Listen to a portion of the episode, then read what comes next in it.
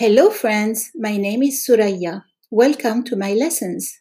To read more about these podcast topics, or if you need language lessons or would like to check out my books, go to thouria-benferhat.com. T H O U R I A B E N F E R H A T dot com.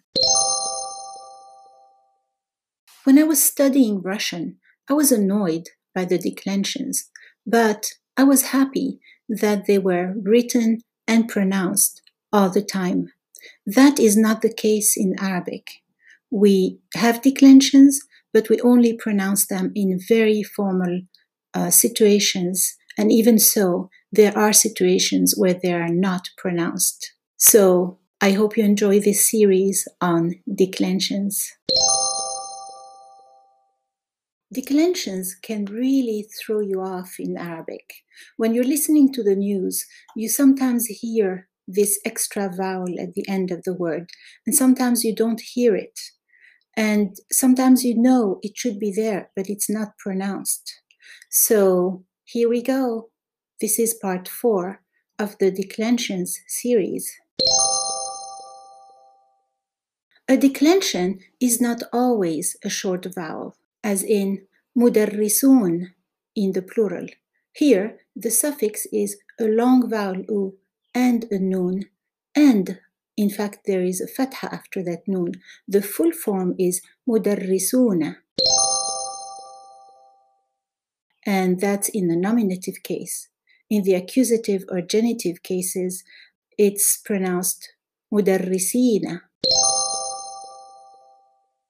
In my blog, you can read the chart with the different declensions. I will read the chart now. See if you recognize all these forms.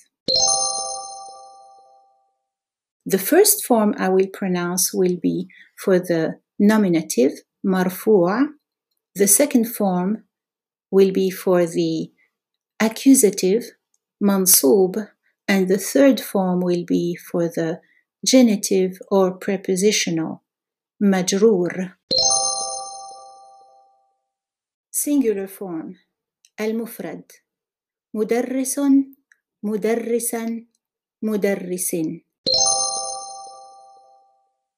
Of course, if the noun is defined, it will be المدرس المدرسة المدرس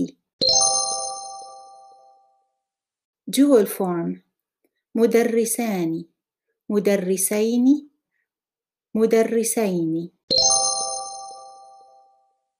masculine plural form مدرسون مدرسين مدرسين feminine plural form مدرسات مدرسات مدرسات